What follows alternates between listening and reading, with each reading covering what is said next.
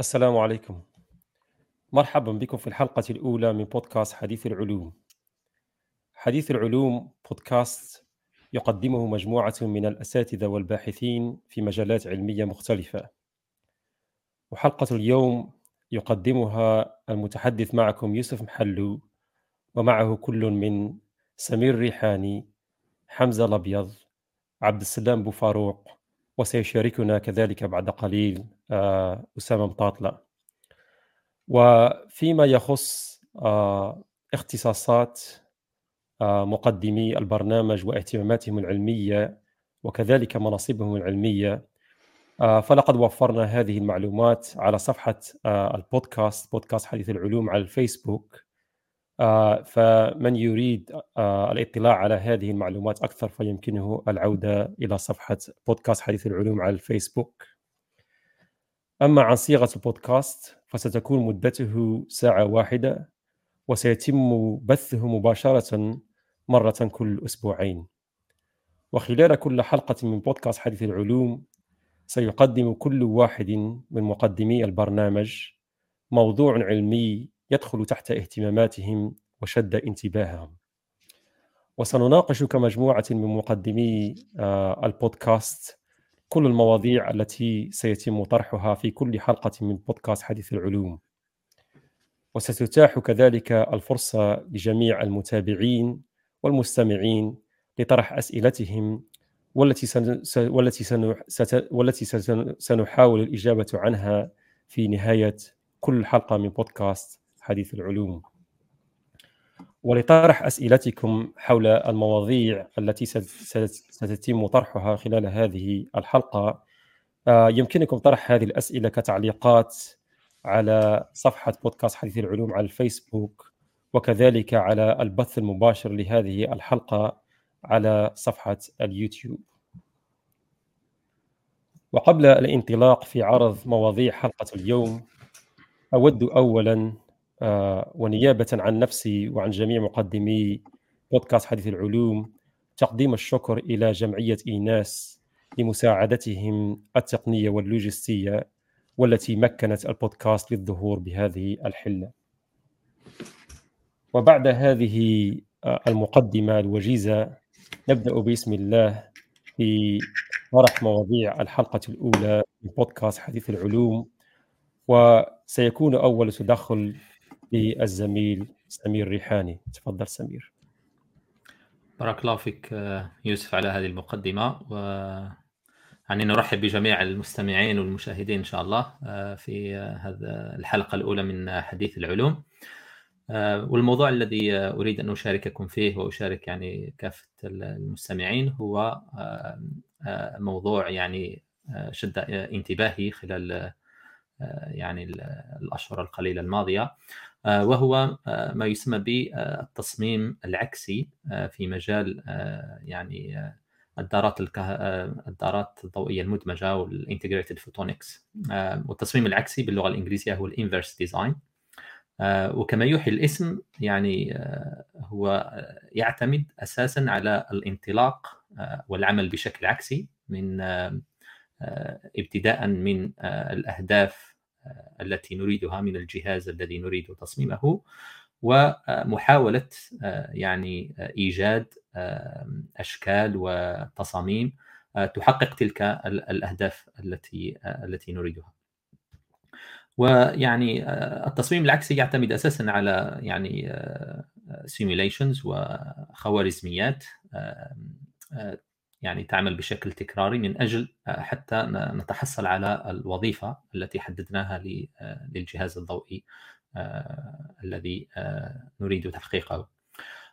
وفي الحقيقة يعني هذا هذا الموضوع يعني ال inverse design أو التصميم العكسي ربما تكون فكره فكرته الأساسية قديمة لكن يعني بدأ حديثا فقط استعماله في آه، مجال آه، كما قلت integrated آه، photonics ولا nano photonics أو الدارات أو يعني تصميم تصميم الدارات الضوئية المدمجة.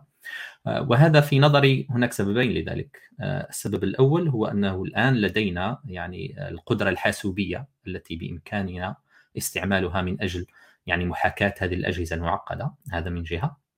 ومن جهة أخرى يعني التطور الهائل الذي حدث من خلال يعني الطباعة الضوئية التي مكنتنا من يعني تحقيق أجهزة على مقياس النانومتر.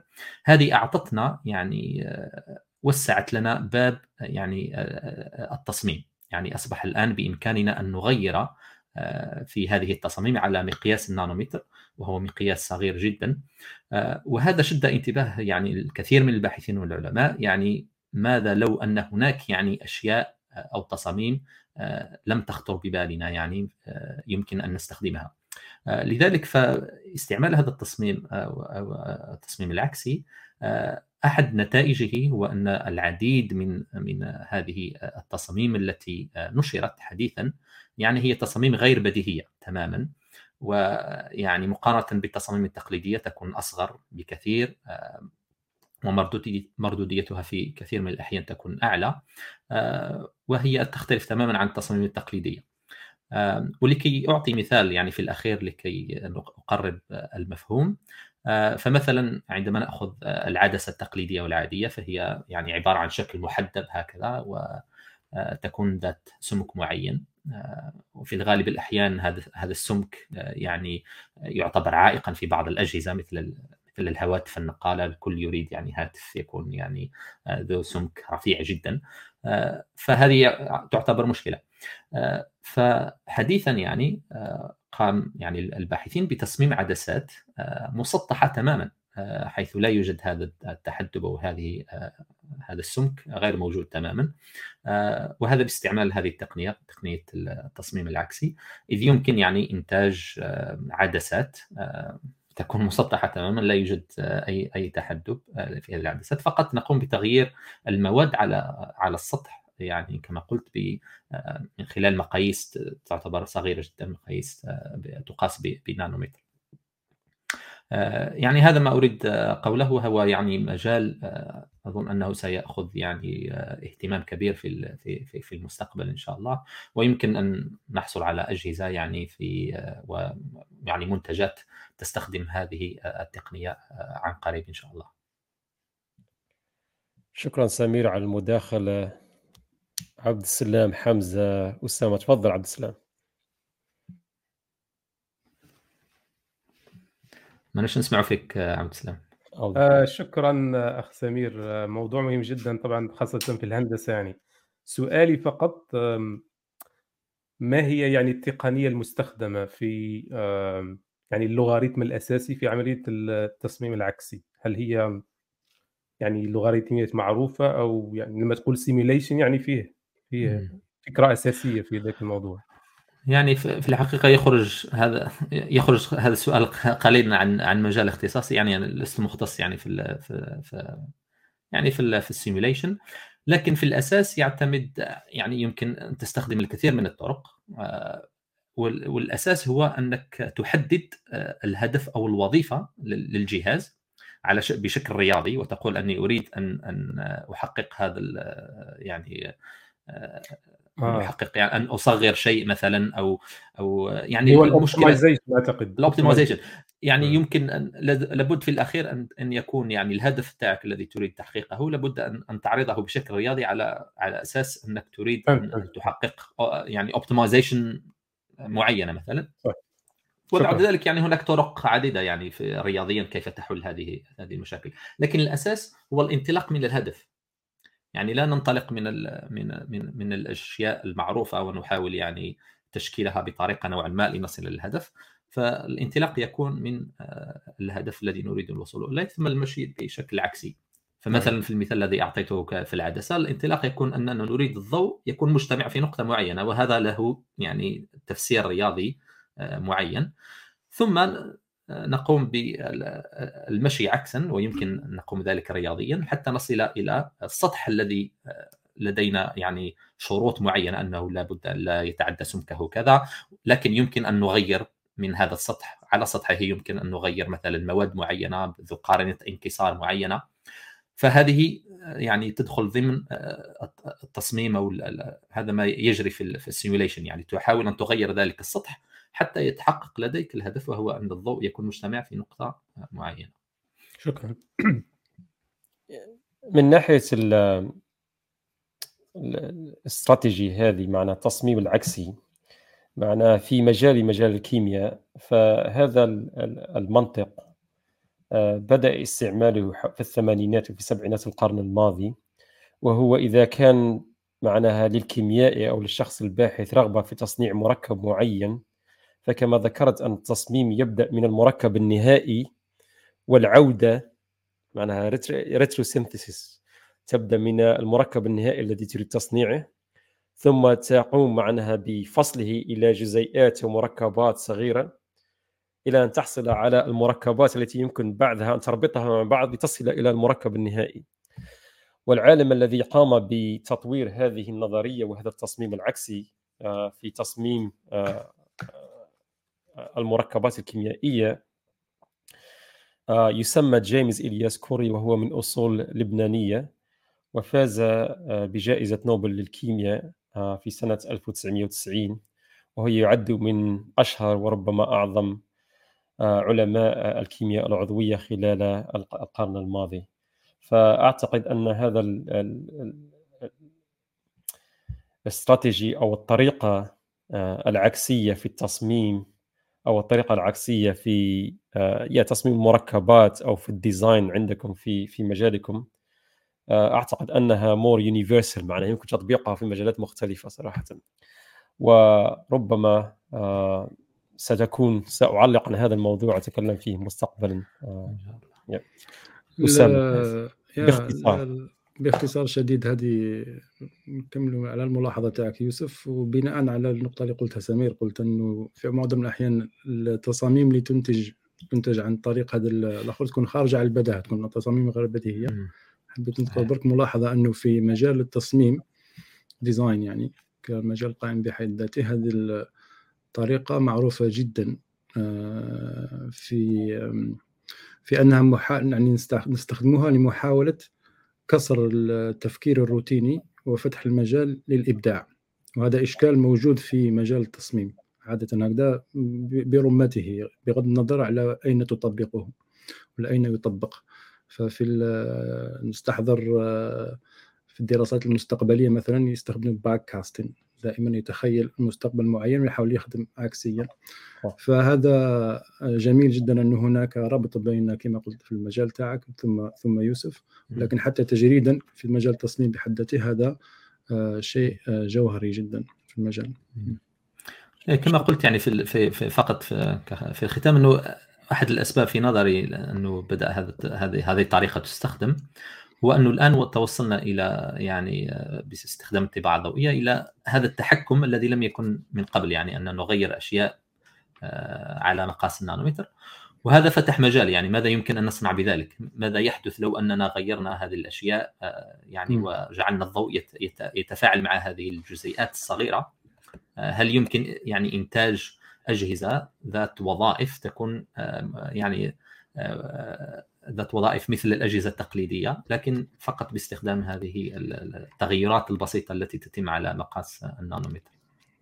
شكرا سمير وشكرا جميع المداخلة. آه، ننتقل الآن آه، من سمير إلى عبد السلام بفاروق. تفضل عبد السلام.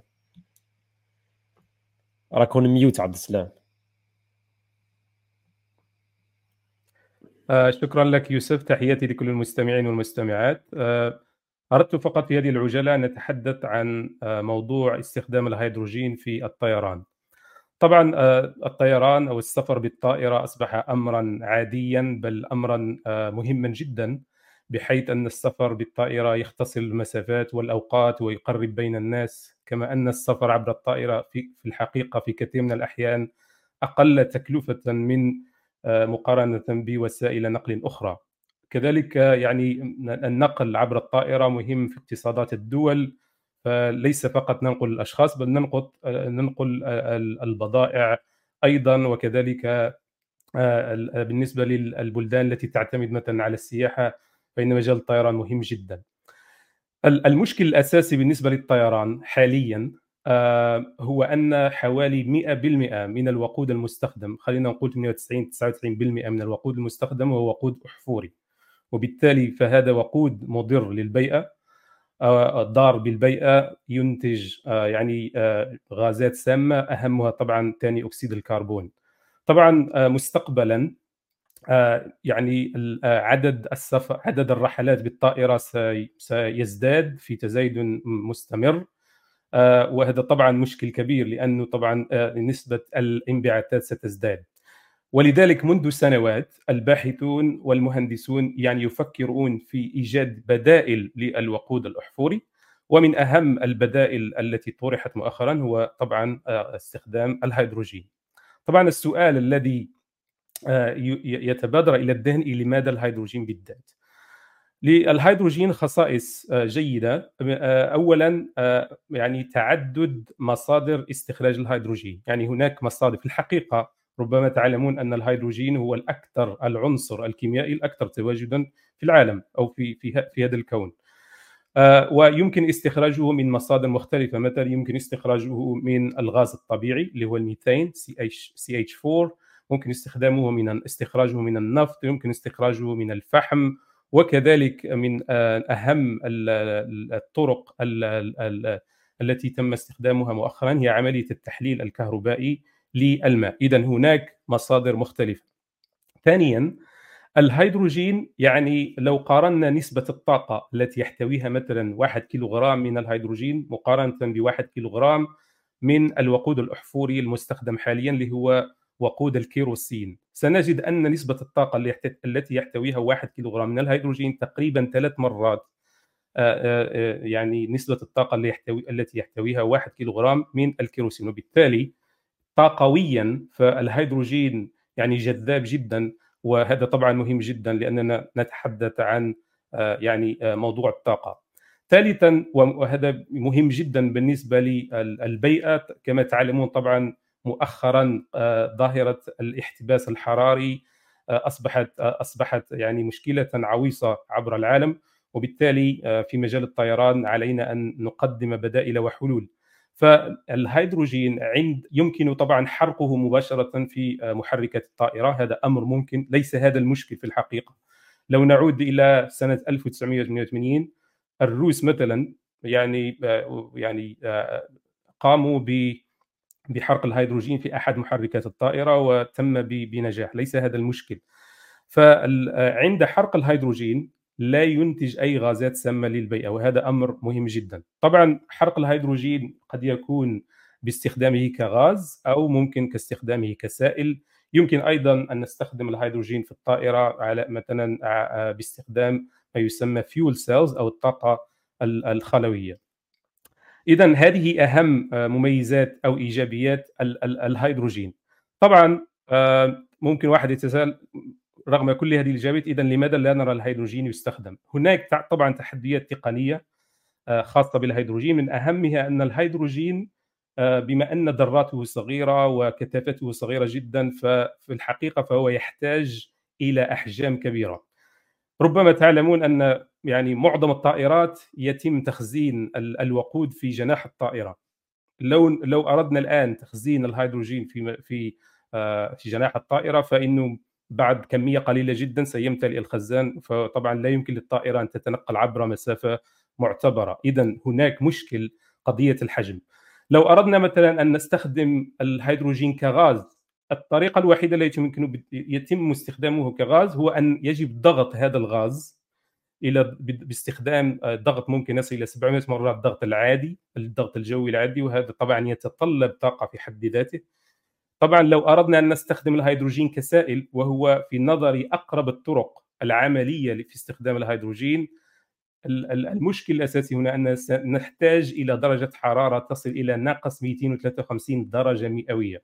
طبعا لكم أن تتخيلوا الآن الهيدروجين في درجة الحرارة هذه المنخفضة جدا في مخزن الطائرة ثم طبعا يتم يجب ضخه عبر أنابيب آه، خاصة حتى يصل إلى المحرك. هذه عملية صعبة جدا. أن تحافظ على هذه درجة الحرارة المنخفضة آه، جدا. ثالثا فقط حتى ننهي الموضوع طبعا هناك تحديات كثيرة لكن من أهم التحديات أنه أنا صحيح قلت آه، سابقا أن استخراج الهيدروجين يعني هناك مصادر كثيرة لكن في الحقيقة ثلاثة أرباع هذه المصادر المصادر في الحقيقة تنتج غازات سامه هي هي كذلك مثلا لو لو استخرجنا الهيدروجين مشكلة الهيدروجين أنه صحيح أنه العنصر الكيميائي الأكثر تواجدا في الكون لكن يعني لا نجد مثلا هكذا غاز الهيدروجين متواجد ونستخرجه كالغاز الطبيعي أو مثلا يعني ترسبات من الهيدروجين هذا نادر جدا. الهيدروجين دائما مشكلته أنه دائما يلتصق بأمور أخرى فيعني لا يجب أن نستخدم طاقة لاستخراج هذا الهيدروجين. فمثلا لو استخرجناه من غاز الميثان اللي هو الغاز الطبيعي أو الفحم أو النفط كل هذه العمليات تحتاج إلى طاقة وكذلك آه، هي في حد ذاتها ملوثة للبيئة. فيعني آه، فعلا آه، مشكلة يعني كبيرة جدا بالنسبة لاستخدام الهيدروجين. فقط حتى أكمل الموضوع. طبعا هو موضوع فيه جوانب كثيرة لكن في نظري أعتقد أن الهيدروجين مهم جدا خاصة بالنسبة للدول النامية لأنه لو تمكنا من إنتاج الهيدروجين بكميات كبيرة فيعني تدريجيا في المستقبل يمكن للهيدروجين أن يلعب دورا محوريا في عملية يعني إنتاج الطاقة واستخدامها وكذلك أن يصبح يعني آه، لاعبا اساسيا في آه، آه، الطاقات في في في في مجال الطاقة يعني عموما. أكتفي بهذا القدر وسأكون يعني اذا فيه أسئلة أو يعني زيادات فتفضلوا. شكرا. شكرا عبد السلام على تقديم هذا الموضوع الشيق. من ناحية لما ننظر إلى مثل مثل هذه المواضيع عادة التركيز لا يكون مثلا على الهيدروجين في حد ذاته في استعماله كوقود بل عن طرق استخراج أو استخلاص الهيدروجين. فالسؤال هل الطرق المستعملة لاستخراج الهيدروجين في هذه الحالة هي طرق مضرة للبيئة أو لا؟ ومقارنة بالطرق التقليدية لاستخراج أنواع الوقود الأخرى من ناحية المقارنة بالضرر للبيئة هل يمكن المقارنة بين الطرق جميع هذه الطرق؟ نعم شكرا. آه كما قلت أنا سابقا فثلاث أرباع الطرق الحالية هي في الحقيقة تنتج يعني غازات سامة كثاني أكسيد الكربون واكسيد آه النيتروجين إلى غيره. إلى غير ذلك. ففي الحقيقة هي طرق يعني ضارة. فطبعا أقل أقل ضراوة من من الطرق التقليدية لكن تبقى طرق ضارة. لو أردنا فيما يخص فيما يخص استخلاص الهيدروجين مقارنة بالطرق الأخرى هي أقل ضررا. أقل ضرر لكن يبقى مستوى عالي. يعني يعني ممكن لو تقول أو لو أردنا أن نستخرج كميات كبيرة من الهيدروجين وهذا نحتاجه نعم. فيعني يعني تدريجيا يعني نسبة الغازات السامة ستكون كبيرة لذلك فقط أنا نسيت أن أقول أن الطريقة الوحيدة حاليا التي هي 100% غير ضارة بالبيئة يعني عند عند الإنتاج وعند الاستخدام هي عملية التحليل الكهربائي للمياه شريطة أن يتم ذلك باستخدام الطاقات المتجددة كطاقة الرياح أو الطاقة الشمسية. اذا إذا عملنا هذا فيعني يعني 100% 100% لدينا وقود غير ضار. فهذه هذه الطريقة طبعا هناك ممكن من يقول لك نحن نحتاج هذه الطاقات المتجددة يعني نحتاجها في الحقيقة. فلو أخذنا طاقة لتحليل كهربائي للماء فنحن نؤثر على كمية الطاقة الموجودة من الطاقة وهذا صحيح. لأن هنا دائما هناك تنافس وهذا هذا أمر يعني يجب أن نفكر فيه يعني. عبد السلام عندي آه، سؤالين. مم. الأول الأول هو لماذا الذهاب إلى استخدام الهيدروجين في الطائرات يعني يعتبر تحدي لكن ربما البداية تكون في السيارات أو في يعني في المركبات الأرضية يعني هل هل هناك يعني سبب معين لهذا التركيز على الطيران بدل التركيز على المركبات الأرضية؟ والسؤال الثاني قلت أنه يعني من ناحية الطاقة المنتجة يعتبر يعني الهيدروجين عنده ثلاث أضعاف الطاقة مقارنة بال تقريبا نعم. هل هذا هل هذا تحت شروط معينة؟ مثلا هل لابد أن يكون الحرق تام؟ كيف كيف تك كيف كانت كيف تكون هذه المقارنة يعني؟ سؤال جيد. طبعا هناك الكثير من الناس طبعا أنتم تعلمون كثير من السيارات تستخدم الهيدروجين. أنا أنا طبعا أتحدث بالخصوص عن مجال الطيران لسببين أو لسبب آه، رئيسي. يعني نسبة استخدام الطائرات في تزايد مستمر. يعني حاليا نسبة نسبة انبعاثات الغازات السامة بسبب الطائرات حوالي يقولون من 3 إلى 4% من إجمالي انبعاثات حول العالم. خلال سنوات يعني يقولوا أنه في خلال سنوات عدد المسافرين قد يصل أكثر من 8 8 مليار شخص سنويا. طبعا يعني معناه ازدياد عدد الرحلات سنويا. وبالتالي فالنسبة قد تصل ممكن إلى 9 و10% وهذا يعني مستوى عالي جدا.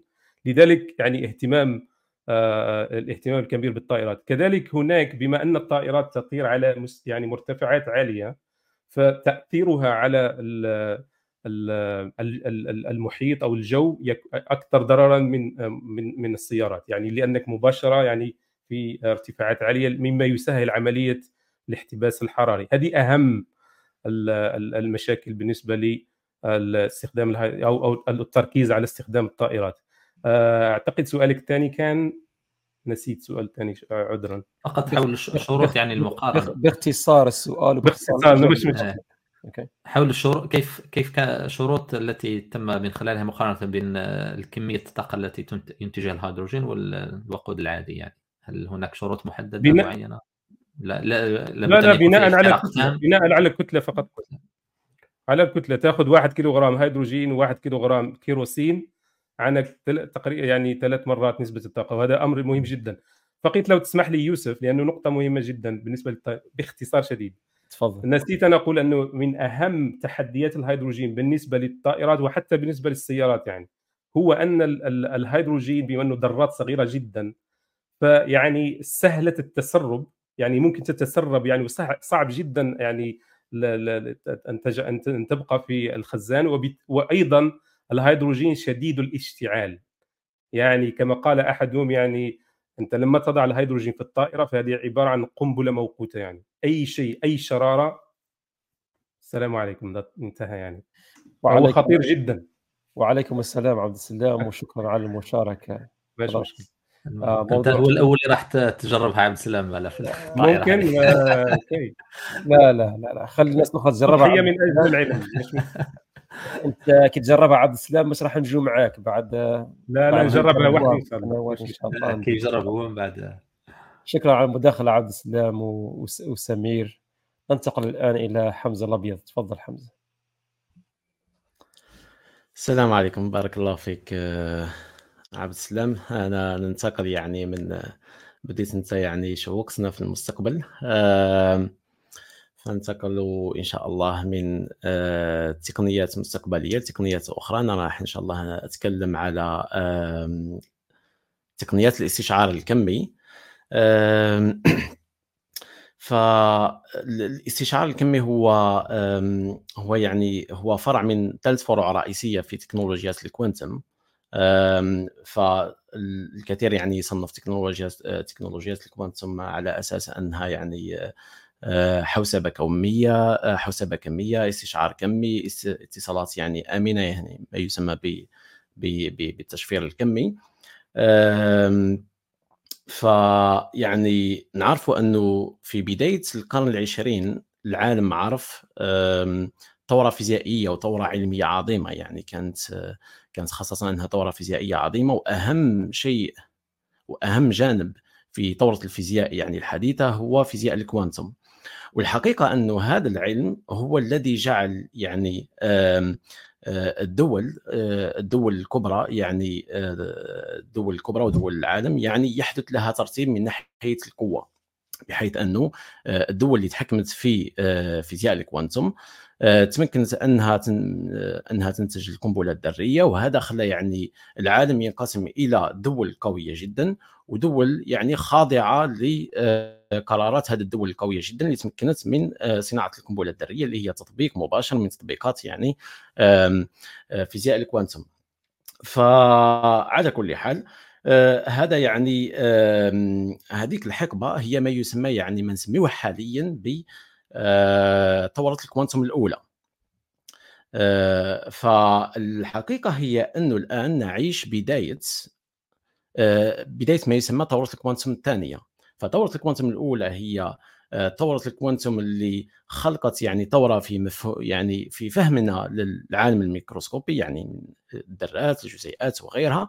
والآن يعني رحنا من ثوره ال quantum الأولى اللي كانت about science إلى يعني كعلم إلى ال engineering يعني أخذ أخذ يعني الاستفادة من هذا العلم يعني من كعلم إلى يعني خلق تطبيقات مباشرة يعني باستخدام فيزياء ال quantum أو يعني تكنولوجيات تكنولوجيات ال quantum على كل حال فما هو الاستشعار الكمي أو quantum sensing بالإنجليزية؟ ف quantum sensing هو كما قلت يعني فرع من فروع تكنولوجيات الكوانتم أين يتم الاستخدام أو الاستفادة من الخواص آه، الكمية للضوء والذرات على أساس أنه راح نعملوا أساسا مع الضوء والذرات لأنه هي شغل المادة الأولية تاعنا. فنستغلوا آه، الحالة الكمية يعني صفة الكوانتم التي يعني آه، مرتبطة بها ونستخدموها لصناعة أجهزة أو مستشعرات أو حساسات ذات حساسية كبيرة جدا. فربما يعني البعض يتساءل أنه ما هي طبيعة هذه الحساسات؟ ما هي يعني طبيعة هذه المستشعرات؟ ما هي وش الأشياء اللي ممكن يعني آه، نعملوها آه، نعملوها استشعار؟ فكما قلت يعني هو استغلال آه، الحالة الكميه للذرات يعني والفوتونات يعني الحالة الكميه ممكن تكون يعني ما يسمى بدالة الموجة في في في الكوانتم. هذه دالة الموجة يعني تصف الكثير من الخصائص الفيزيائية للذرة أو الفوتون. ونأخذ هذه نستفيد من هذه لكي نصنع جهاز بحيث أنه يمكن يكون حساس جدا للمحيط حوله، المحيط يعني ممكن يكون مثلا حرارة، حقل مغناطيسي، سرعة، تسارع، آه، الكثير من الخصائص الفيزيائية بوجود أشياء، وجود أشياء حديد، وجود أشياء على كل حال يعني وجود أشياء بالمعنى العام. فممكن نصنعوا يعني أجهزة يعني ذات يعني تعقيد يمكن يكون ممكن ممكن تكون يعني بسيطة ممكن تكون معقدة شوية ممكن تكون صغيرة ممكن تكون كبيرة يعني ممكن تكون حتى يعني بحجم أكثر من غرفة ولكن كما قلت الشيء الأهم المشترك بينها هو استغلال الخصائص الكمية لها لخلق أجهزة ذات حساسية عظيمة جدا بحيث أنها في بعض الأحيان تصل إلى درجة مليون مرة ما يعني نملك من آه، الحساسية في المستشعرات الحالية الموجودة يعني في التكنولوجيا الحالية. فكما قلت لماذا يعني علاش يعني نهتموا بزاف بهذه بهذه المستشعرات بهذه الحساسات الكمية؟ اولا آه، أهم شيء هو الحساسية الحساسية بالمفهوم الفيزيائي والحقيقي آه، آه، الراسين آه، هو يعني القياس الدقيق القياس الفيزيائي الدقيق جدا. هذه هي الحساسية يعني القياس الفيزيائي. ونحن نعلم أنه أكثر شيء أهم وأكثر شيء يدفع بالتكنولوجيا وتطبيقات التكنولوجيا للأمام هو دقة القياسات الفيزيائية. يعني إذا آه، إذا يعني إذا دفعنا دقة القياسات الفيزيائية أو الاستشعار للأشياء للخصائص أو الأشياء فنحن يعني راح نخلق تكنولوجيات متقدمة جدا. ولهذا يعني إحنا نحكيو على ثوره حقيقية. فكما قلت يعني عشنا الطوره الأولى والآن رايحين نحكيو على طورة يعني راح تخلق طورة كبيرة في في كل في تقريبا كل يعني التكنولوجيات في المستقبل. ففي آه، النهاية يعني حبيت نذكركم إنه العالم حدث له ترتيب في بداية القرن العشرين وهذا الترتيب راه مستمر إلى حد الآن. آه، ترتيب مبني على آه، القوة وهذا الترتيب آه، يعني بدأ بالتحكم في آه، فيزياء الكوانتم. المستقبل إن شاء الله سيحدث يعني سنرى يعني إعادة ترتيب أو ترتيب آخر مبني على تحكم في آه، تكنولوجيات الكوانتم. وهذا ما يسمى يعني بتكنولوجيات يعني تكنولوجيا أو ثورة الكوانتم الثانية. وبالمناسبة يعني هنا لما نحكي على ثوره الكوانتم الثانية يعني ما نعنيش فقط من ناحية يعني القوة العسكرية فقط كما حدث يعني في بداية القرن العشرين ولكن يعني في كل المجالات. يعني في المجال الاقتصادي أيضا في آه، المجال الصحي وأي مجالات يعني خاصة المجالات الحساسة يعني مثل الصحة التعليم الدفاع الملاحة وغيرها. فهذا هو واش يعني حبيت نتكلم عليه. فالسؤال اللي طرح نفسه آه، هل يعني الدول تاعنا دولة تاعنا والدول تاعنا آه، لها رغبة أو يعني لها لها اهتمام بدخول بدخول هذا الترتيب المستقبلي؟ على كل حال هذا واش نأملوه وهذا واش إن شاء الله يعني نحاولوا نشجعوا الدول عليه ونتكلموا عليه. آه، أكثر في الحلقات الأخرى إن شاء الله. شكرا حمزة. عبد السلام تفضل عبد السلام. آه لو في واحد لم يسأل بعد ما عنديش مشكلة. لا تفضل أنت بديت الأول تروح الأول خلاص. فيست كم سيف الله يهنيك. سؤال فقط حمزة بالنسبة للاهتمام بالجانب الكمي في قضيه الاستشعار. إحنا عندنا في الهندسة مثلا هناك اهتمام كبير في آه، تقليد الطبيعة إذا يعني biomimicry لأنه الطبيعة هي الشيء ال most efficient الأكثر يعني يعني اللي هو الأكثر تطورا يعني فلذلك نحاول تقليد الطبيعة. فسؤالي فقط لماذا يعني آه كأنه هناك قفز إلى الجانب الكمي اللي هو صعب جدا حسب ما يعني تفضلت؟ آه هل هل هناك محا... هل كانت هناك محاولات يعني يعني تقليد مثلا هناك مثلا كثير من الحيوانات يعني استشعارها دقيق جدا ويعني دق يعني متطور جدا. هل هل هناك يعني اهتمام بهذا المجال قبل الانتقال إلى الجانب الكمي؟ شكرا. آه طبعا. إيه، قبل الانتقال يعني آه هذا يعني أنت تحكي ما بين مرحلة ومرحلة. على كل حال يعني أنت قلت أنه نقلد الطبيعة بفيزياء الكوانتم هي الطبيعة في حد ذاتها هي فيزياء هي الطبيعة بكل دقتها. يعني في آخر في الادج تاعها في حدود في حدود يعني آه الفهم في حدود يعني آه تكنولوجيا الطبيعة. فإحنا إذا ذهبنا إذا ذهبنا إلى هذا الادج رايحين يعني نفهموا ونقدروا نستغلوا هذه على يعني أكثر شيء ممكن نستغلوها. كما كنت انت ذكرت يعني آه، بعض من من آه، في الطبيعة مثلا في في كاين كاين كاين حيوانات مثلا كاين حشرات تستعمل بعض من الخصائص الكثير من الخصائص هذه لها يعني جانب كمي في الحقيقة إنه الكثير يعني استشعار الحقل المغناطيسي واستشعار بعض من الخصائص الفيزيائية تعمل بمبدأ الفيزياء الكمي.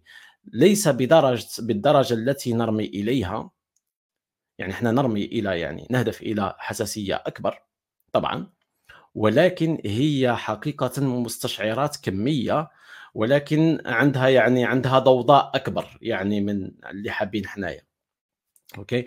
الحقيقة هي إنه كما قلت هي هذه المستشعرات هي أكثر دقة من واش نملكوا حاليا التكنولوجيا اللي نملكوا حاليا وهي نوع من المستشعرات الكمية آه كما نقولوا شغل lower level okay? شكرا. في مجال في مجال سؤال واحد آخر ما فيش؟ آه باختصار شديد والإجابة تكون باختصار شديد تفضل وسام ما سمعناش ما سمعناش صوتك اليوم تفضل أسأل أسأل. تفضلك. والله مصباح لنا حير شوية مع الميكروفون تاعي واش يمشي. لعله يمشي درك إن شاء الله. وقيل عندها علاقة بوش قال السي عبد السلام. أنا نسمع فيك وقاعد نتصور ما هي ما هو أي مست... هذا سؤال فلسفي شوية. أي مستوى من الحقيقة راح راح نكتشفوه بهذه الاستشعارات؟ آه وفاش راح نفعلوه يعني؟ لأنه إحنا يعني النوع السنسرز اللي عندنا درك آه، سواء استعملناهم في في في ماكينات معينة ولا بالنسبة لنا باش الإنسان يزيد يطور من من حس الجانب الحسي تاعو يعني محصورة شوية. فأنا قاعد نسمع فيك وقاعد نفكر يعني ما هي ما هو هذا المستوى؟ شو اللاير الجديد تاع الحقيقة اللي راح اللي راح نكتشفوه؟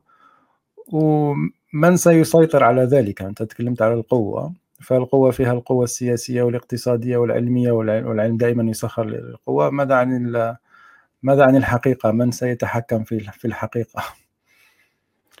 أوكي. أه ما بديش واش تقصد أه بالتحديد يعني بالحقيقة ولكن على كل حال إذا كان قدرت نفهم السؤال تاعك أه عموما اللاير اللي نوصلوا ليه هو هي كيف؟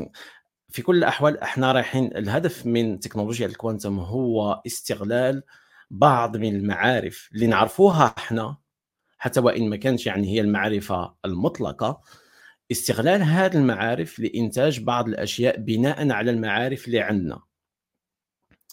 ف ولكن من من آه، بالتأكيد هو أنه كل شيء راح ننتجوه من هذه التكنولوجيات ال quantum راح يسخر back إلى آه، العلم لإنتاج طبعا معارف أخرى اللي رايحة تحسن المفهوم تاعنا. فإذا ممكن نتخيلوا أنه آه، ال science هي هي ال circle وفيها الكثير من آه، في المعلومات المشتتة. يعني في كل مرة نخلق نخلق فهم جديد نخلق نقطة مثلا نخلق نقطة وغيرها. لما نفهموا الكثير من الأشياء نعمل هندسة بين بين هذه النقاط. كي نعمل هندسة بين النقاط نخلق تكنولوجيا نخلق انجينيرين بهذا الانجينيرين نخلق بعدها نسخروا آه، لخلق نقطة أخرى خارج السيركل خارج السيركل وهذه النقاط الأخرى خارج السيكل هي المعرفة الجديدة هي الحقيقة الجديدة الأخرى اللي تخلينا نعاود نرجع هذاك السيركل من ضيق إلى أكبر. هذه يعني بالطريقة هذه إحنا يا يعني نخدموا الإنسانية بخلق أجهزة في صالح الإنسانية ولكن نخدم أيضا المعرفة لأنه في كل الأحوال في كل مرة نستعمل المعرفة الحالية لإنتاج أجهزة الهندسه ترجع إلى إلى العلم وغيرها دونك هي هي هي لوب في كل مرة نحسنوا من المعرفة ونحسنوا من آه، الأشياء اللي آه، تخلق تخلينا يعني تخلي الإنسانية تذهب من رفاهية آه، من رفاهية إلى رفاهية أكبر. ولكن كما قلت نعود نرجعوا الشق الآخر هو القوة. كما قلت القوة أنا لما حكيت على القوة على كل حال أنا نفضل أن نقول الأمن القومي لأنه الأمن القومي هو الجانب اللي يصف يعني الأشياء اللي تخلينا نتحكموا في اللي تخلينا نتحكموا في الأشياء المصيرية تاعنا اللي مثلا الصحة اللي مثلا الملاحة اللي مثلا ال GPS اللي مثلا المواصلات وغيرها. هذه من الأمورات التي الدول يجب أن تمتلكها شخصيا يعني لا تستوردها لأنه أي حاجة تستوردها فأنت غير متحكم فيها. فإذا أنت غير متحكم فيها فهذا غير امن قومي وهي لا قوة ولا شيء. فإن شاء الله إذا كان يعني هذا الدول تتمكن من نفسها يعني معرفة تخلق آه، محليا. فإذا كان هذه الدول قادرة على خلق المعرفة محليا فإن شاء الله راح تخلق راح تخلق قوة. باش إذا كان جاوبت على السؤال تاعك ولكن حاولت حاولت جهدي أني نقرب ربما إلى آه، أنا أنا أنا رانا متاخرين في الوقت بعض الشيء لكن آه، حمزة انت تحشيت السؤال هذا. أعطينا فقط ثلاثة دول معناها القوية بانك إنك تقول بأن فيه معناها احتمال. إعادة أنا نعطي جواب جو جواب رسمي. أعطي ثلاثة دول أقوى ثلاثة دول في الاستشعار الكمي. أحسن مصطلح عربي سمعت الاستشعار الكمي. تفضل أعطيني أقوى ثلاث دول في هذا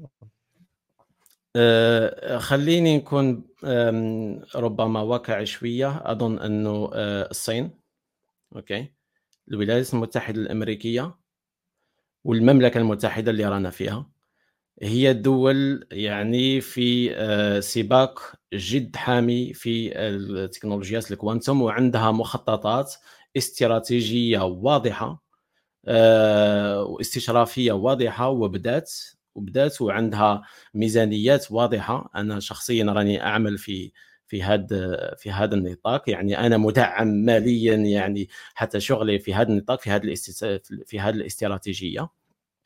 آه، وهي في كل مرة يعني تجعل تجعل نعم يوسف معناها هذه الدول دول متوقعة. معناها كلنا ربما كنا نتوقع هذه الدول هل فيه دولة من الدول الإفريقية أو الآسيوية من غير الصين وربما ساوث كوريا؟ لا توجد. من لا إفريقيا لا توجد. من إفريقيا لا توجد.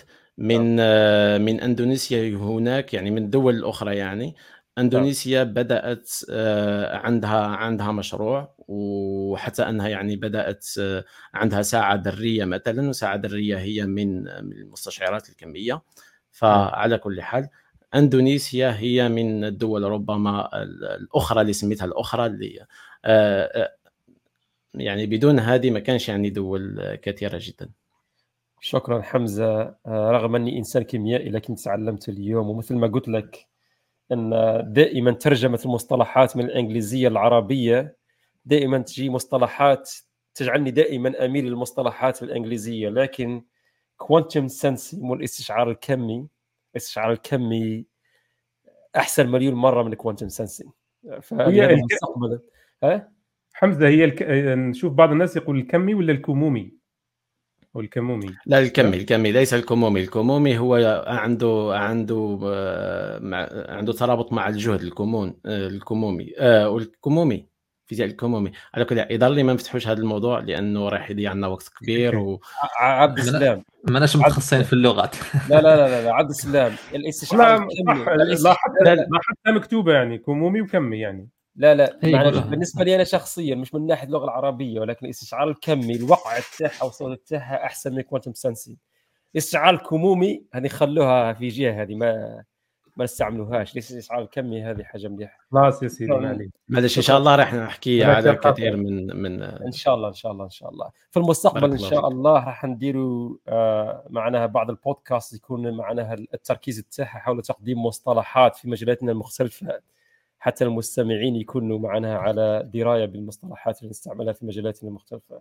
آه ننتقل الآن إلى آه أسامة. تفضل أسامة.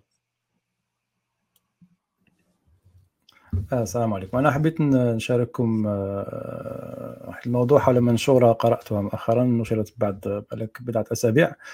آه، المنشورة عنوانها مستويات الذكاء الاصطناعي العام.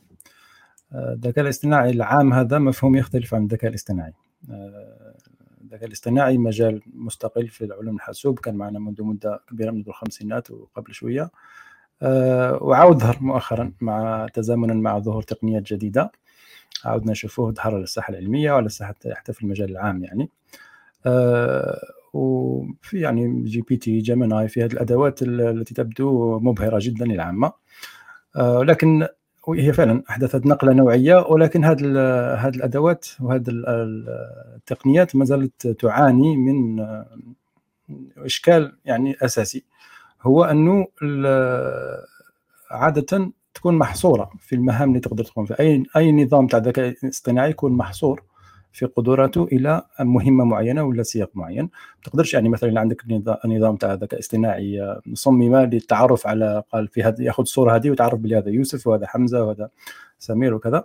ما نقدرش ناخذ نفس النظام وناخذوه لسياق آخر نعطي له مهمة أخرى مثلا نظم لي سير المرور. هذه ما كاش بالتقنيات اللي عندنا لا نستطيع القيام بذلك. وهنا يكمن الفرق يعني بين الذكاء الاصطناعي والذكاء الاصطناعي العام. الذكاء الاصطناعي العام هو آه، شكل من أشكال الذكاء الاصطناعي ولكن عنده القدرة على التكيف هذه في السياقات. عنده القدرة على أنه يعني يشمل مجال أوسع من المهام ويقدر يتكيف مع سياق من سياق إلى آخر.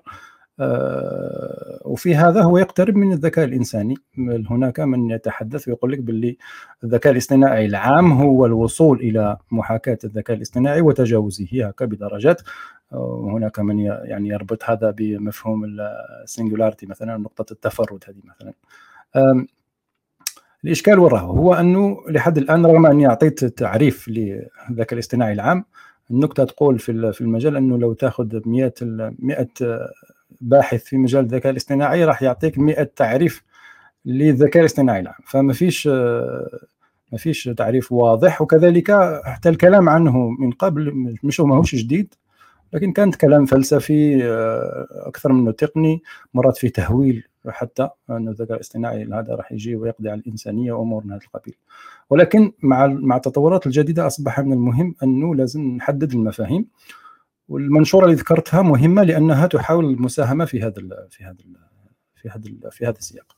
فهذه آه، قلت نشرها فريق بحث من شركة DeepMind وهي ليست منشورة تقنية هي منشورة تصنيفية يعني تاكسونوميكو آه، ما تعطيناش تعريف واحد ولكن تعطينا إطار آه، يعني يساعدنا في التوجيه وتركيز البحث في مجال الذكاء الاصطناعي العام. هم وجدارو قاموا بمسح لكل التعريفات الموجودة آه، للذكاء الاصطناعي العام. ثم استخلصوا قال هاي العناصر الأساسية والمشتركة وكذا ولموها كامل في إطار واحد.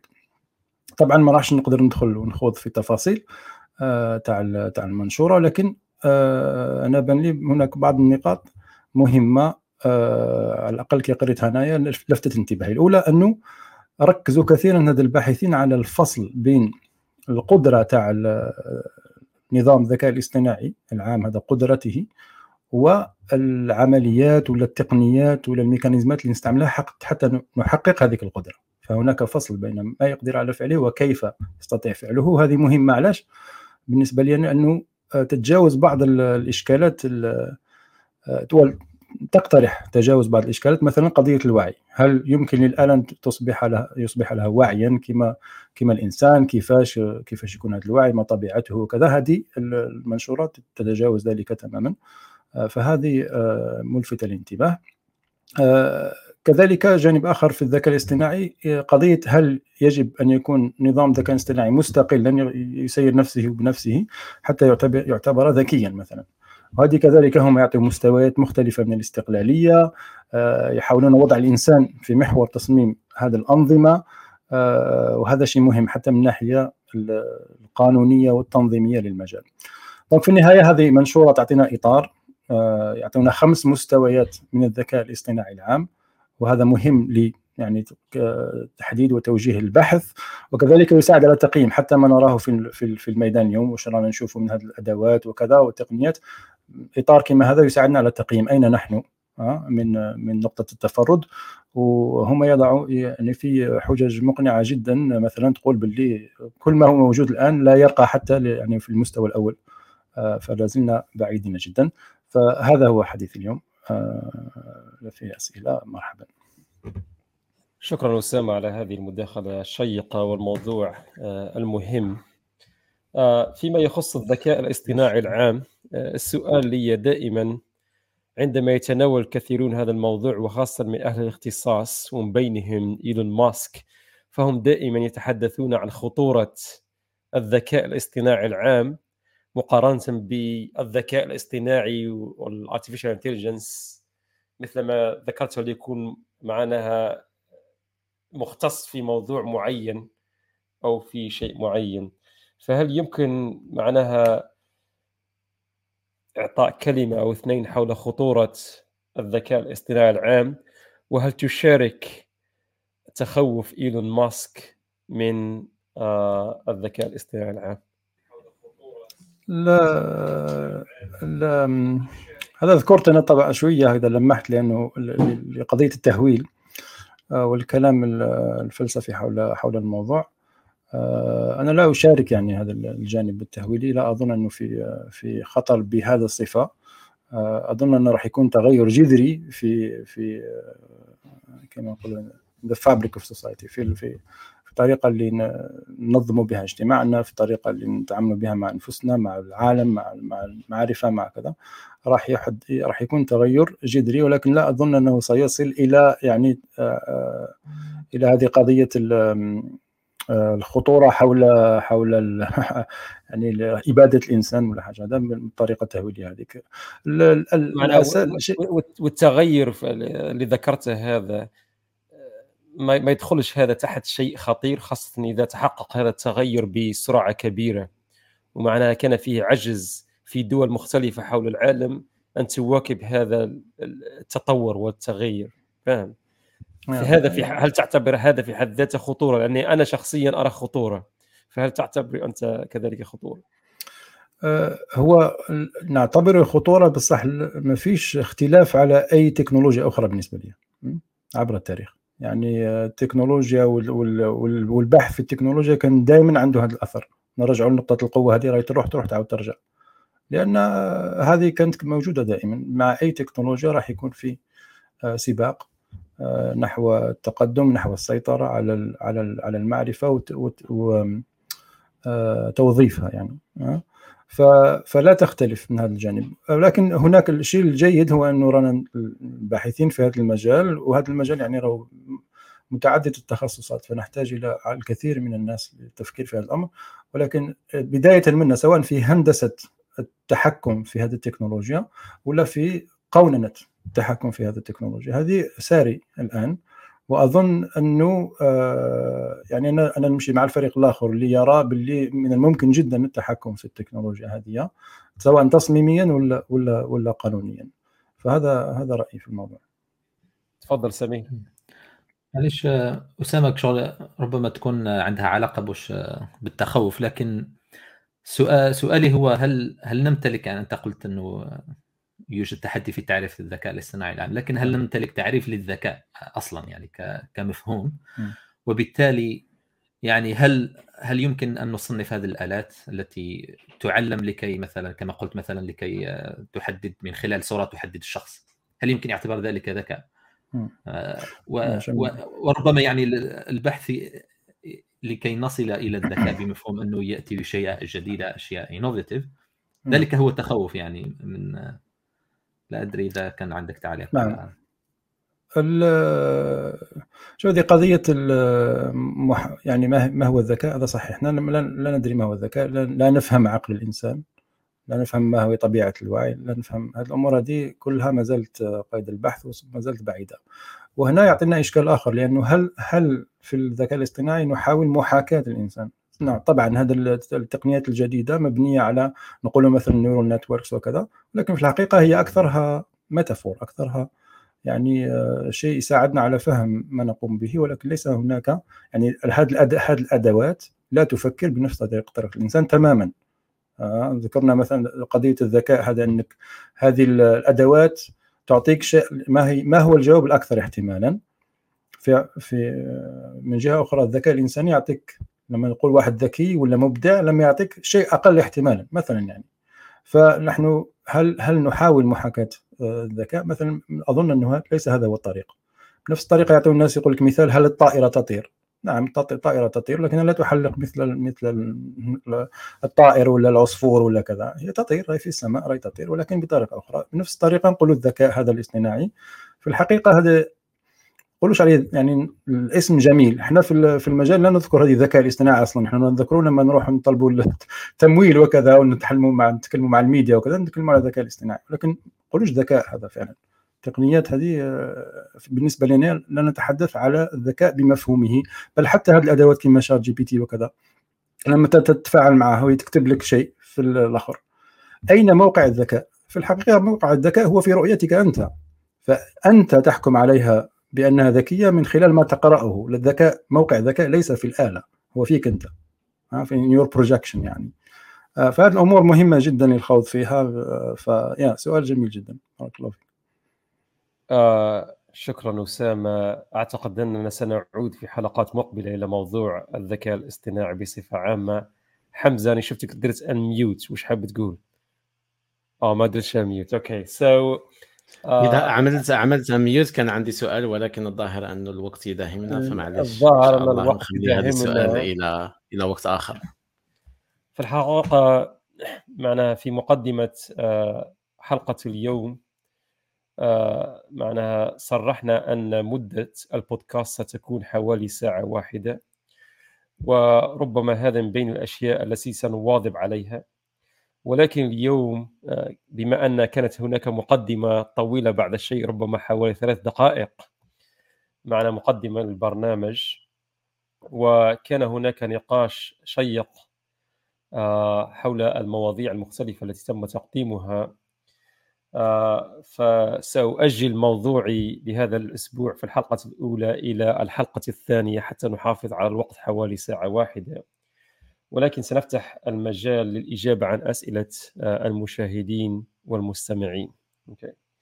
وفي الحقيقة لم تصلنا العديد من الأسئلة ولكن هذا السؤال الذي شد انتباهي وهو موجه إلى حمزة آه، والسؤال يقول أول خطوة خارج دائرة الكوانتم هو القنبلة النووية التي دمرت هيروشيما وناكازاكي لذلك ما زلنا نخاف من هذا النوع من القوة. ما رأيك أستاذ حمزة الأبيض؟ تفضل حمزة. آه هذا قرأ لي واش في مخي. كنت راح نطرح سؤال على أسامة. آه سبحان الله كان صح نجبد فكرة فكرة خطر العلم يعني حدود خطورة العلم في الذكاء الاصطناعي. كنت راح نحكي على خطورة فيزياء أنه خلقت هذه القنبلة النووية. على كل حال سبحان الله. أظن أنه أظن أنه صح. العلم في كثير يعني من الأحيان ممكن ممكن يعني تستعمله في في أشياء في أشياء ممكن تؤذي الإنسانية. ولكن على كل حال هو سؤال شوية صعب. آه، القوة آه، معليش نحاول نجنب هذا السؤال على على القنابل النووية ولا الذرية ولكن أنا جبت آه، أنا تكلمت على ال على ال على ال على القوة بالمفهوم يعني العام يعني أو ربما خليني نقول اللي كان يهمني أكثر هو الأمن القومي اللي هو يعني قوة أكثر من يعني القوة العسكرية فقط كقوة عسكرية ولكن يبقى يبقى يعني بعض من الأشياء في الدفاع آه، يلزم يعني يلزم أننا نتحكم فيها. آه، القنبلة النووية والقنبلة الذرية من الأشياء التي حدثت في الماضي آه، والتي للأسف يعني كانت يعني لما كان العلم يعني يمشي بدون بدون قيود بدون قيود يعني أخلاقية إنسانية حدثت للأسف و يعني كان لها يعني تأثير كبير جدا. على كل حال ولكن آه، لما هذه ما ما باليش إذا كان عندك you expect something else يعني من من هذا السؤال. هل يعني تقصد أنه آه، لماذا يعني نخاف من هذا النوع من القوة؟ على كل حال القوة من الأشياء التي نرمي إليها ولكن شوف السؤال اللي طرحوه هذا أنا كتبت لهنا بصيغات مختلفة. ممكن كان يطرح لعبد السلام خطورة الهيدروجين كوقود للطائرات صح؟ ممكن كان يطرح إلى أسامة خطورة الذكاء الاصطناعي العام. فكل العلم في كل في في حد ذاته هو معناها في اكتشاف في أشياء جديدة فيه مناطق معناها من المعرفة. معناها ما زلنا ما وصلناش لحد الآن ونريد اكتشافها. فالخطورة هي دائما مقيدة معناها متلازمة ومقيدة مع الاكتشافات. القضية هي كيف يمكنك السيطرة أو التحكم في هذه الخطورة أو العمل أو استعمال المعرفة الجديدة وما تم اكتشافه بطريقة آمنة. فأعتقد أن السؤال الذي طرحه السائل هو سؤال معناها مهم ولكنه مش لازم يكون الخطورة مش لازم تكون السيء المثبط اللي ما يخليكش تكتشف معناها أشياء جديدة. آه، فلو مثلا دول العالم الثالث كان هذا سببها في عدم التقدم علميا هو الخوف من الخطورة ولا واحد كان يدير ولا شيء. فمثلا لو نظرنا مثلا إلى ال quantum physics اللي ذكرتها الدول ذكرتها الصين أمريكا وبريطانيا معناها فيه بريفري فيه شجاعة وفيه معناها استراتيجية معناها للبحث والاكتشاف وتطوير الاشياء ولكن بأخذ عين الاعتبار الخطورة اللي تجي معها فيه أحيانا يكون فيه انفلات وتحدث فيه حادثة فاهم؟ في آه، منشآت نووية وفي مخابر كيمياء عندنا في بعض المخابر عندنا آه، في تطوير بعض المركبات الكيميائية قبل سنوات في أحد الجامعات في اسكتلندا حدث في حريق في كلية الكيمياء. هذا خطر من الكيمياء. لكن لو نظرت إلى الكلية الكلية عمرها أكثر من 100 سنة. كم المره حدث فيها خطر من الأخطار؟ هذه مرة واحدة في 100 سنة. وهذا كان انفلات كان فيه معناها ربما آه، عدم تتبع بعض البروتوكولات الخاصة بالسلامه لكن في رأيي أن الخطورة مش لازمها لهنا تخلي الإنسان تثبطه عن الاكتشاف وعن البحث. فقط نعم. العمل بمسؤولية. تفضل عبد السلام. فقط آه، بالسريع يعني أعتقد لا يجب أن يعني نقول أن المشكل هو في العلم. إن الكثير من هذه القرارات الخاطئة مثلا في القنبلة الذرية أو حتى في مجال الكيمياء آه، يوسف أنه هناك طبعا أسلحة كيميائية آه، محظورة. يعني فالكثير من هذه القرارات في الحقيقة قرارات سياسية يعني خارجة آه، تماما عن سيطرة يعني الباحثين ف صعب جدا يعني. لأنه طبعا هناك كما قلت جانب مفيد جدا للبشرية. مثلا الهيدروجين هناك قنابل هيدروجينية يعني. لكن هناك الهيدروجين ممكن أن يصبح من أهم آه، مصادر الوقود للعالم كاملا. ف صعب صعب لأنه بعض القرارات السياسيه يعني خارجه عن نطاق أي أي شخص يعني. باختصار اسامه أنت كل, كل ما جي راح تتحدث من from now on نقول لك باختصار. فهم. على بالك باللي أنا هي شوف كاين نقطتين مهمتين نقولهم بسرعة جدا. آه راح ما نوافقكمش بزاف هنا بقضية إنه يعني بالك نحاولوا مش ما نوافقكمش نحاولوا نتفاداو قضية المقولة أن العلم وحده حيادي والمسؤوليه الأخلاقية بعيدة على العلم. هذا غير صحيح. ها صحيح كاين كاين سياسات وكاين سياسيين وكاين كذا كاين أمور تخرج على نطاق الباحث ولكن مرة أخرى مركز القرار الأخلاقي لابد أن يقترب من الباحث بالنسبة لي. فالعلم ليس ليس حياديا بل يوظف. وحتى في طريقة يعني إنتاج المعرفة هناك انحيازات حتى يعلم بها الباحث أو لا يعلم بها. آه هذه هذه نقطة. النقطة الثانية هي قضية الخطورة هذه كما ذكرت لا يجب أن تكون تثبيطا بل بالعكس يجب يجب أن تقوي هذه المقولة اللي نقول فيها أنا لأنه أخلاقة العلم لازم تقترب مسؤولية أخلاق العلم لازم تقترب من الباحث أكثر. حتى يمكن السيطرة آه، وتوجيه خلينا نقول هذه الخطورة من مركزها اللي هو يجب أن يكون العلم والعالم أصلا. هذه هي بعجالة. شكرا أسامة وربما في المستقبل. لما نتكلموا على المصطلحات العلمية المستعملة نتكلموا على أخلاقيات العلم والاثكس في مجالاتنا المختلفة. ربما نختم هنا بسؤال. أعتقد أنه سؤال مهم وربما معناها كان آه، من المفروض أني بينت هذا الأمر في البداية. سؤال أحد أحد المشاهدين ما هو موضوع حلقة البودكاست؟ في الحقيقة آه، آه، البودكاست بودكاست حديث العلوم لن يركز حول مواضيع علمية معينة في لكل حلقة. آه، وهذا معناها من من تصميمنا. نحن صممنا هذا البودكاست ليتناول مواضيع علمية مختلفة.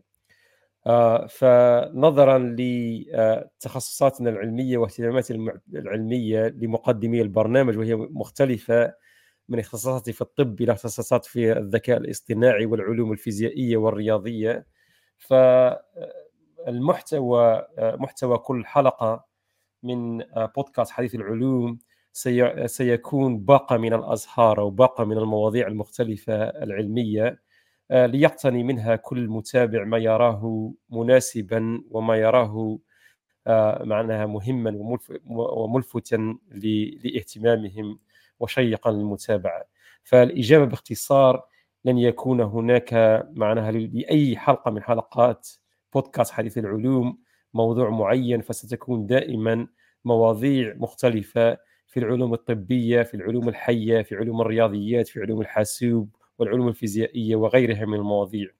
ومستقبل سيكون آه، سيشاركنا في بعض حلقات بودكاست حديث العلوم آه، بعض الضيوف آه، والذين ستكون لهم اختصاصات مختلفة عن اختصاصاتنا التي معنا سنتناولها في في الحلقات القادمة لبودكاست حديث العلوم. أعتقد قبل أن ننهي حلقة اليوم كلمة أخيرة وسريعة نبدو من عبد السلام. تفضل. كلمة سريعة.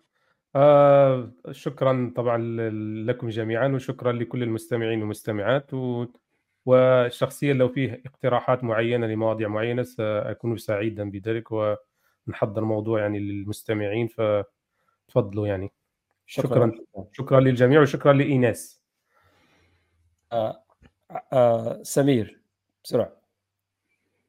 آه شكرا لكل من تابعنا. لكن فقط إضافة لما قلت آه يوسف ربما في المستقبل إذا شفنا أنه فيه موضوع معين ل ربما كان فيه آه فيه يعني ناس يعني كثيرة مثلا طالبت به. ممكن نخصص حلقه نناقش ذلك الموضوع من خلال يعني تخصصاتنا المختلفة يعني. فهذا يمكن أن يحدث يعني نترك هذا للمستقبل. شكرا. آه حمزة. حمزة. نوفر عليكم نوفر عليكم دقيقة. ما عنديش حتى شيء ممكن نقول ما شاء الله. أنت نحبك من بكري ودرك اول نحبك أكثر. أسامة. ما فيش آه، ملاحظة. ما حينا باختصار ما حيناش المستمعين. إن شاء الله يكونوا فرص أخرى ويواصل يعني يكون عندنا فرص كثيرة للحديث على مواضيع متنوعة. وأنا أتطلع لذلك وللنقاش مع شبيبنا ومع مستمعين عليه.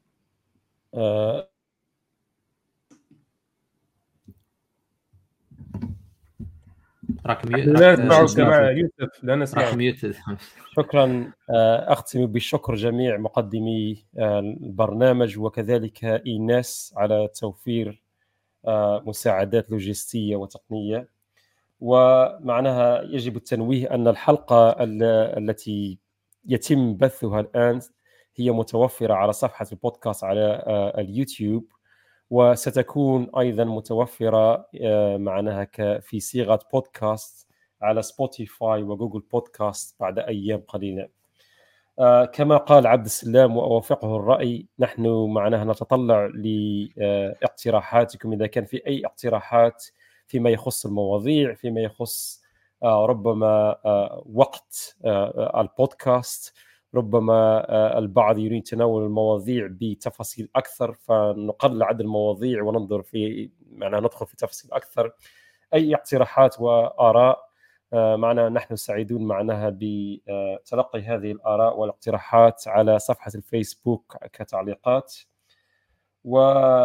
واختم ربما بالقول أن كما ذكرت سابقا البودكاست سيتم بثه مباشرة كل أسبوعين بما أن اليوم هذه الحلقة الأولى فالحلقة الثانية ستكون بعد أسبوعين وستكون يوم الأحد 31 ديسمبر على الساعة العاشرة آه، مساء بتوقيت الجزائر.